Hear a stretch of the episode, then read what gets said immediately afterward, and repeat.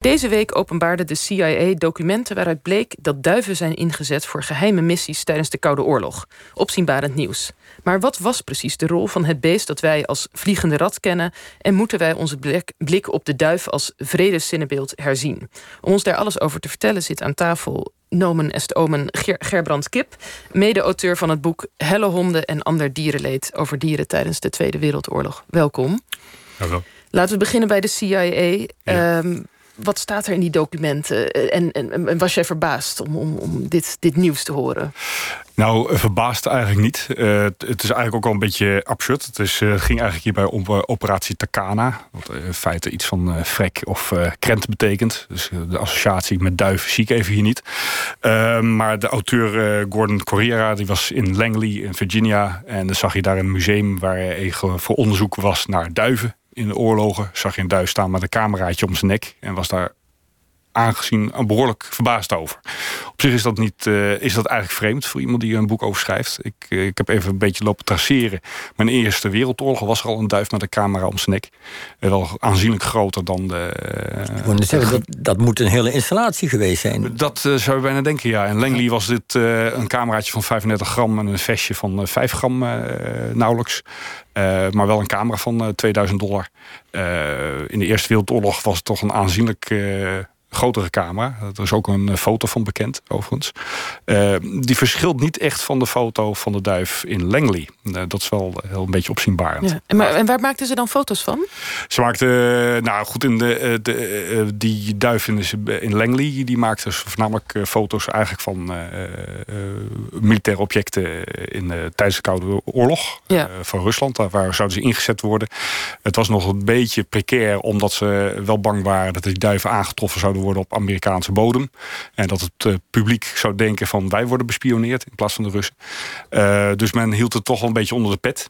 Uh, wat wel bleek was dat de camera, de foto's die ze maakten, en dan praten we over de jaren, zes, jaren 70, sorry, jaren 60 zijn ze topgestart, die waren aanzienlijk beter dan de toenmalige spionagesatellieten. Ja. Dus, dus, ja. dus, dus, de duif is al een hele tijd, zeg je, wordt hij ingezet als verkenner en als spion. Ja. Ja. Dus dat is al een heel oud fenomeen. En het zijn ook vaak gevaarlijke missies, ontdekten wij. Want zo'n spionnenduif, ja, je weet nooit wat er met je kan gebeuren als je helemaal in de lucht aan het spioneren bent. En dat begrepen wij onder meer uit de Britse documentaire War of the Birds. They faced danger at every turn. The Germans positioned snipers, and worse, they trained squadrons of a natural born pigeon killer, the Falcon. Our defense against the pigeons was vast. We released the falcons to catch the pigeons in flight.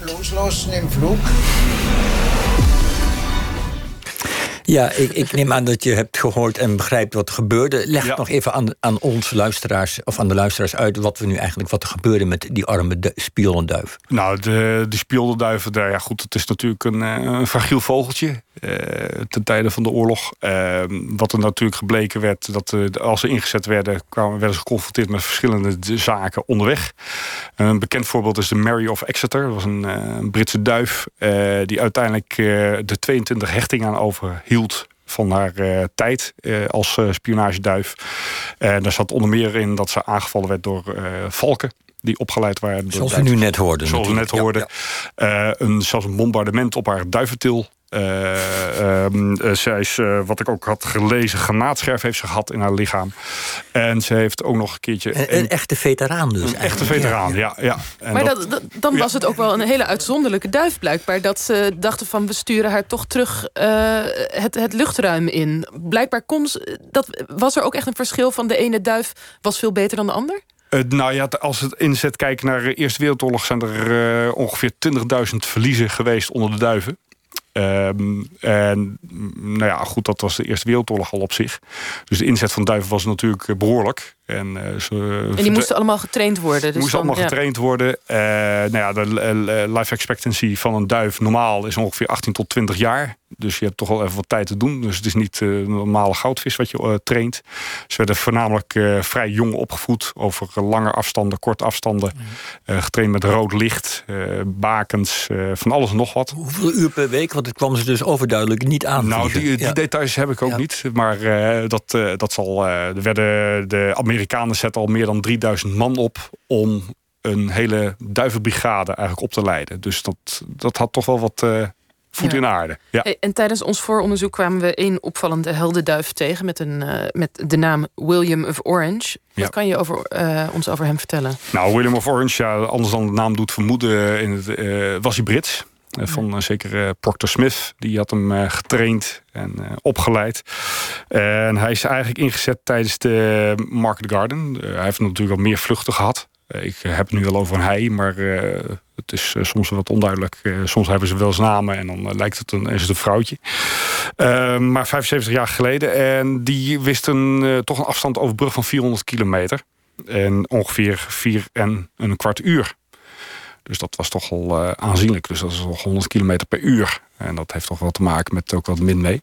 Maar die heeft dus meldingen gemaakt in Engeland over de, de geallieerde landing. Al daar met Market Garden in Arnhem. Maar de duif Willem heeft niet het verschil kunnen maken. Eh, nee. hebben toch verloren, ja, bedoel ik. Ja, Ja. Nou ja, goed, dat is eh, natuurlijk een brug te ver misschien geweest. Dat, En, en eh, eh, die duif, is, dat, is die, deze duif en andere duiven, zijn die ook beloond voor hun optreden? Ja, Hebben ze een geweldig leven gehad na de oorlog? Of, ja. Nou ja, eh, ze kwamen natuurlijk wel. ze, ze kregen natuurlijk een, de zogenaamde Dicken Medal. Dat was een soort Victoria Cross, maar dan voor duiven. Er werd eigenlijk eerst, allereerst een beetje toegekend specifiek aan Britse dieren in oorlogstijd. Die dus aardig huis hadden gehouden. Later werd het ook wel toegekend en postuum ook wel aan dieren die dus eh, uiteindelijk daarna nog in het buitenland hadden geopereerd. Die kreeg ze echt om hun nek gehangen? Of? Die kregen, eh, nou ja, er zijn portretten bekend waar dus inderdaad een duif staat met een, eh, een medaille rond de nek. Ik heb niet kunnen nagaan of dat nou inderdaad eh, ook 35 gram was of, Ja. dat, eh, of dat wat minder was.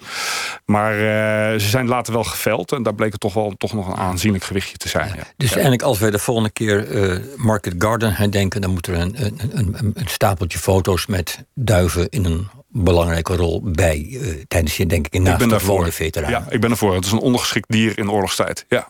Ja. Dank je wel voor je toelichting, Gerbrand. Kip. En je boek Helle Honden en Ander Dierenleed... dat je samen met Perry Pierik schreef, is nog altijd verkrijgbaar.